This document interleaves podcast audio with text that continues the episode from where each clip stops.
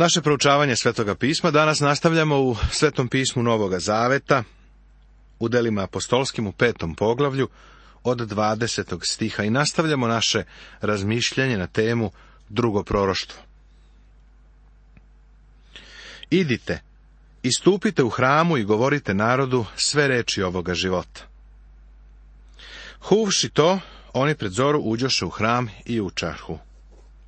A kada dođe prvosveštenik i oni koji su bili uz njega, sazvaše Sinedrion i sve starešine sinova Izraeljevih, te poslaše ljude u tamnicu da ih dovedu. Kad pak službenici dođoše, ne nađoše ih u tamnici. Vratiše se i javiše. Tamnicu smo našli zaključanu i dobro osiguranu, i stražare gde stoje pred vratima, ali kad smo otvorili, unutra nismo našli nikoga. Ovo je ono isto što se desilo kada je Hristos vaskrsnuo. Nije kamen odgurnut da bi Isus izašao. On je već bio izašao pre nego što je kamen otkotrljan. Kamen je otkotrljan da bi oni koji su bili na polju mogli da uđu. Isto se desilo i ovde. Nije bilo potrebno da se vrata otvaraju da bi apostoli izašli. Oni su bili već odavno izašli pre nego što se se vrata otključala. Kada su ove reči čuli starešina hrama i prvosveštenici, bili su u neprilici zbog njih. Šta bi to moglo da bude? Ali neko dođe i javi im. Eno ljudi koje ste bacili u tamnicu, stoje u hramu i uče narod. Tada ode starešina hrama sa službenicima i dovede ih, ali ne na silu, jer su se bojali naroda, da ne budu kamenovani. I kad ih dovedoše, postaviše ih pred Sinedrion, te ih prvosveštenik zapita ovim rečima. Zar vam nismo strogo naredili da ne učite u to ime? A gle, vi ste napunili Jerusalim svojom naukom i hoćete da bacite krv tog čoveka na nas. Ljudi su slušali apostole. Bili su to dobri svedoci.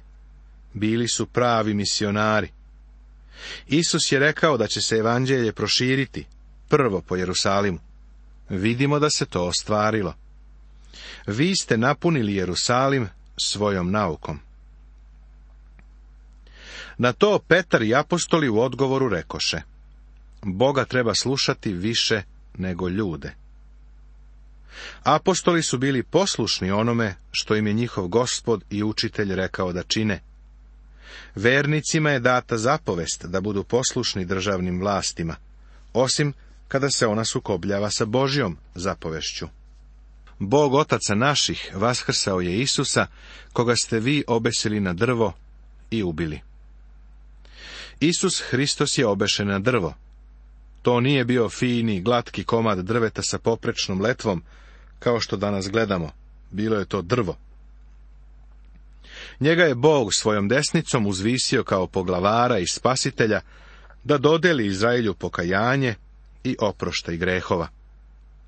Mi smo svedoci svega toga i duh sveti koga je Bog dao onima koji su mu poslušni. Ovo je i danas u Jerusalimu poruka izraelskom narodu. Čuvši ovo, oni se razljutiše vrlo i nameravahu da ih pobiju. Ali tada usta u Sinedrionu jedan farisej po imenu Gamalil, učitelj zakona, cenjen od sveg naroda, zapovedi da izvedu ljude malo napolje. Gamalil želi da apostoli izađu da bi on razgovarao sa Sinedrionom. Ovaj Gamalil je bio izvanredan i vrlo cenjen čovek. Uzgled da spomenem bio je i učitelj apostola Pavla. I reče im, Ljudi Izraelci, uzmite se u pamet u pogledu ovih ljudi, šta ćete činiti. Jer pre ovih dana podiže se Tevda, koji je za sebe govorio da je on nešto veliko, uz koga je pristalo oko četiristotine ljudi. On je bio ubijen. A svi koji su ga slušali raziđoše se i behu uništeni. Posle toga podiže se Juda Galilejac u vreme popisa i odvuče dosta naroda za sobom poginuo je i on, a svi koji su ga slušali behu rasuti. I u sadašnjoj prilici vam kažem, prođite se ovih ljudi i pustite ih, jer ako je od ljudi ova namisao ili ovo delo, bit će osujećeno. je mudar savjet. Ako je pak od Boga, nećete moći da ih uništite, inače biste se našli kao ljudi koji se bore protiv Boga. Gamalil je primjer ljudi koji su podizali bune i koji su imali sledbenike, ali kada su bili ubijeni, njihovi sledbenici bi se razišli. Sada im saopštava da će se isto desiti Isusu i njegovim sledbenicima. Tada ga poslušaše. I dozvaše apostole, izbiše ih i zapretiše im da ne govore u ime Isusovo i otpustiše ih. Da su ovi ljudi bili neuki, pustili bi ih da idu. Da su bili krivi, zadržali bi ih i kaznili. Ali istući ih, a onda ih pustiti je bilo nekakvo žalosno izvrdavanje. Trebalo je da malo pažljivije slušaju Gamalila. Malila. Ni danas nije mnogo drugačije. Nejasna je linija između biti kriv i ne biti kriv. Sudovi danas puštaju ljude uz neke blage kazne. Prijatelju, ako je neko kriv, treba ga kazniti. Ako nije kriv, treba ga pustiti bez kazne. Oni pak otidoše od Sinedriona, radujući se što su bili udostojeni da pretrpe poniženje za ime Isusovo. Tako nisu prestali da svakoga dana u hramu i po kućama uče i propovedaju evanđelje o Hristu Isusu. Ovi apostoli su bili divni ljudi. Radovali su se što mogu da pretrpe za gospoda Isusa. Nastavili su da podučavaju i propovedaju o Isusu Hristu. Šta je evanđelje? Osoba. Evanđelje je Isus Hristos. Da li danas imaš Isusa? Imaš ga ili nemaš, ili mu veruješ ili mu ne veruješ. On je ili tvoj spasitelj ili nemaš spasitelja. To je poruka. Apostoli nisu prestali da poučavaju i propovedaju o Isusu Hristu. Poglavlje šesto Tema Imenovanje Đakona Svedočanstvo Stefana Đakona U ovom poglavlju vidimo dalje posljedice izdaje ili neverstva u crkvi. Prvo smo to vidjeli u slučaju sa Ananijom i Safirom. Oni su bili spaseni vernici, ali zbog laži nisu mogli da ostanu u prvoj crkvi. Sledeću neveru ili izdaju u crkvi u ovom poglavlju vidimo u vezi sa izborom đakona. Poglavlje se nastavlja izveštajemo jednom od đakona o Stefanu. Lažno je optužen, uhapšen i osuđen imenovanje đakona. A u te dane, kada je učenika sve više bivalo, jelinisti podigoše viku na jevreje domoroce, zato što su njihove udovice bile zapostavljene prilikom svakodnevnog deljenja pomoći. Treba da shvatimo da se ovo desilo u ranoj istoriji crkve. Pristupili su obliku zajedničkog življenja i to je jedno vreme bilo uspešno a onda je u crkvu ušla telesnost. Vidjeli smo kako su Ananija i Safira lažno predstavili svoju situaciju.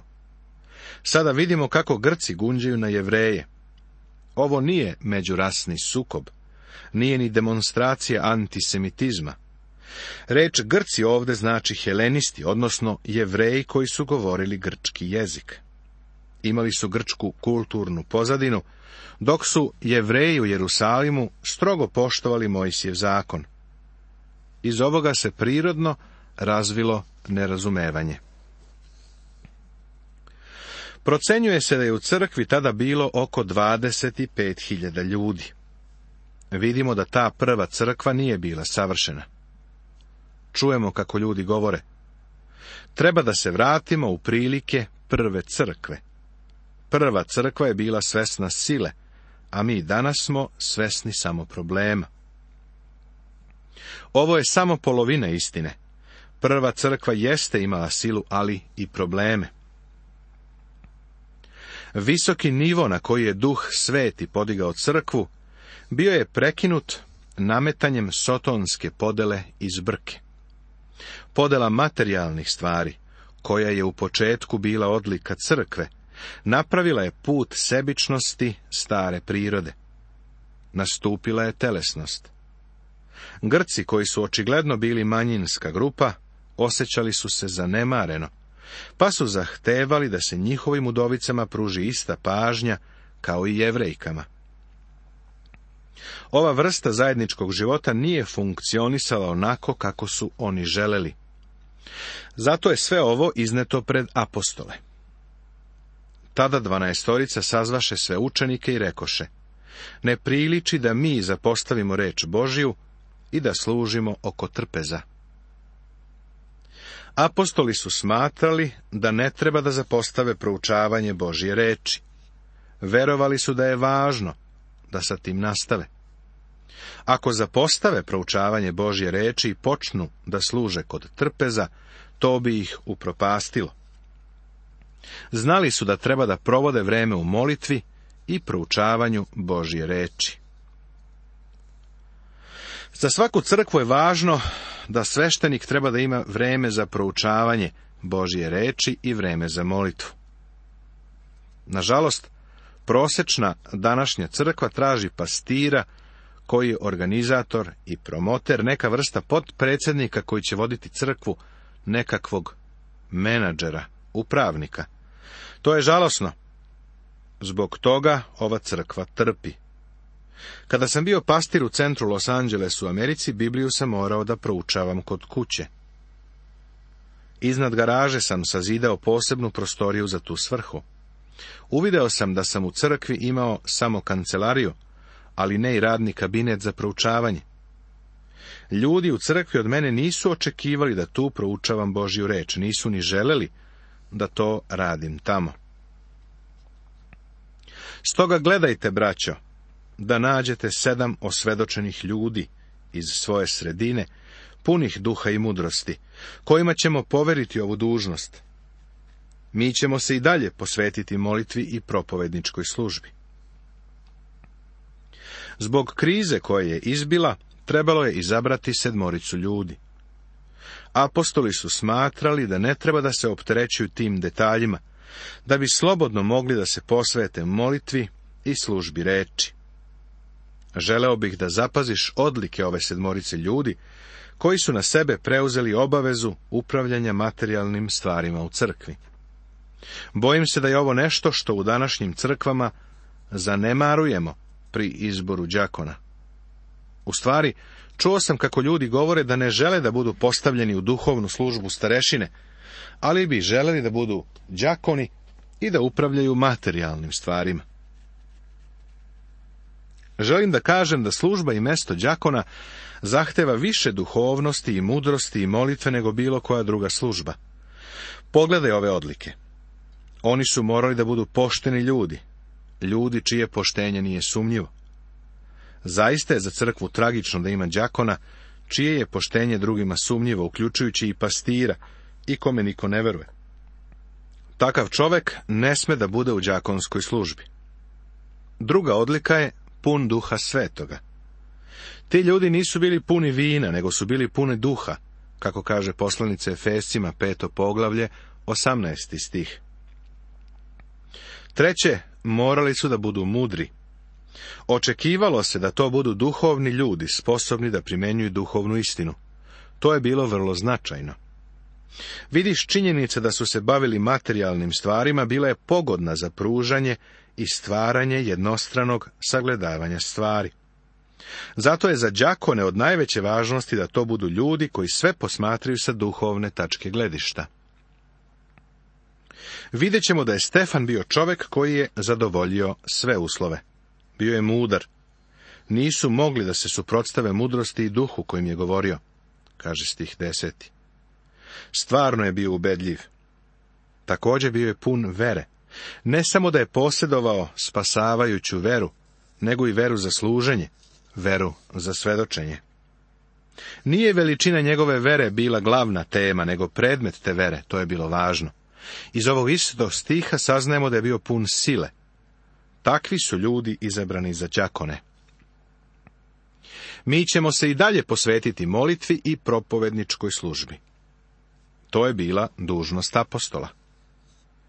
I svide se ova reč svemu narodu, pa izabraše Stefana, čoveka puna vere i duha svetoga, zatim Filipa, Prohora, Nikanora, Timona, Parmena i Nikolu prozelita iz Antiohije. O posljednjih pet ljudi ne bih mogao ništa više reći. Prva dvojica, Stefan i Filip, ponovo će se spominjati kako budemo napredovali u knjizi dela apostolskih.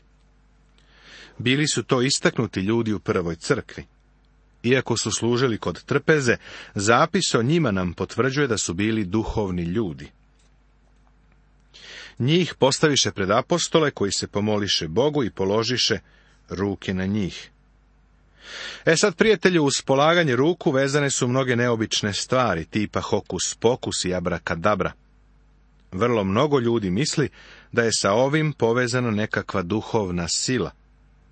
Smatraju da se polaganjem ruku nešto prenosi drugoj osobi. Iskreno govoreći, jedino što neko možeš preneti polaganjem ruku jesu klice, zaraze. Njih možeš preneti, a ne neku silu. U čemu je smisao polaganja ruku? Kao što smo vidjeli u trećoj knjizi Mojsijevoj, kada smo proučavali starozavetne žrtve, grešnik je polagao ruke na glavu životinje, koja je prinošena na žrtvu, što je označavalo da žrtvovana životinja zauzima njegovo mesto, mesto čoveka. Žrtva se poistovećivala sa grešnikom. Kada su apostoli svoje ruke stavili na đakone, to je značilo da će im sada đakoni biti saradnici. Bili su zajedno u službi. Ovim se pokazivalo da su ti ljudi odvojeni za službu. Tako se obeležavalo njihovo zajedništvo u onome što pripada Hristu, kao i njihov položaj predstavnika ujedinjenog tela vernika. Obrati pažnju na činjenicu da je ovo bila socijalna služba – u koju su ovi ljudi bili uključeni. Prva crkva je brinula za svoje pripadnike. Mislim da bi i danas trebalo tako da bude. Prva crkva je imala program za siromašne koji se odnosio samo na članove crkve. Današnja crkva također treba da brine za svoje pripadnike. A reč Božja je napredovala i broj učenika u Jerusalimu se veoma povećavao, pa se i mnogi sveštenici pokoravahu veri. I u našem vremenu je važno da Božja reč napreduje. Ovo je naravno cilj i mog radio programa. Moja iskrena želja je da Božja reč napreduje i da se širi. Neka ti ne promakne činjenica da su se mnogi sveštenici obratili gospodu. Neko od njih je verovatno služio u hramu, kada se zavesa pocepala na dva dela, kada je Hristos umro. Posle ovog doživljaja mnogi su se obratili Hristu. Svedočanstvo Stefana Đakona Sada ćemo pažnju da usmerimo na Stefana. On je jedan od velikih ljudi prve crkve.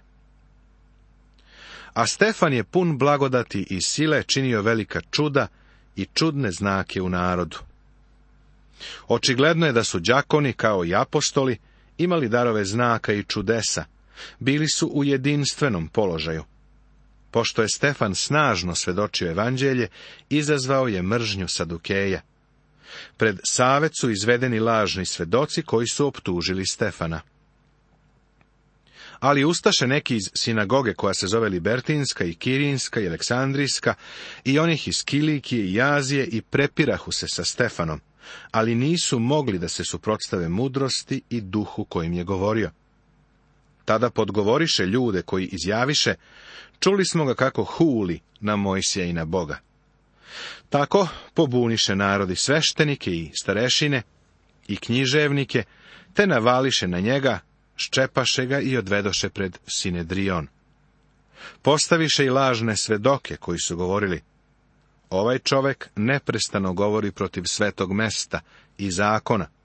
Čuli smo na ime kako govori da će Isus, taj Nazarećanin, razoriti ovo mesto i izmeniti običaje koje nam je Mojsije predao. A svi koji su sedeli u Sinedrionu upreše poglede u njega i videše da mu je lice kao lice anđela. Stefan je izveden pred Sinedrion, a onda su dovedeni i lažni svedoci. Lažni svedoci govore poluistine, naravno. Na ovom svuđenju lažni svedoci su pogrešno prepričali i pogrešno tumačili Isusove reči. Tako su i ovdje pogrešno shvatili kada je Stefan rekao da će hram u Jerusalemu opusteti. U stvari i onako je bio pust, bez Hrista. Njihovo optuživanje se zasnivalo na delimičnoj istini. Na Stefanovom licu vide nešto divno. Ovaj čovek je od svih ljudi koji su ikada živjeli više anđeo nego čovek. Nastavit će se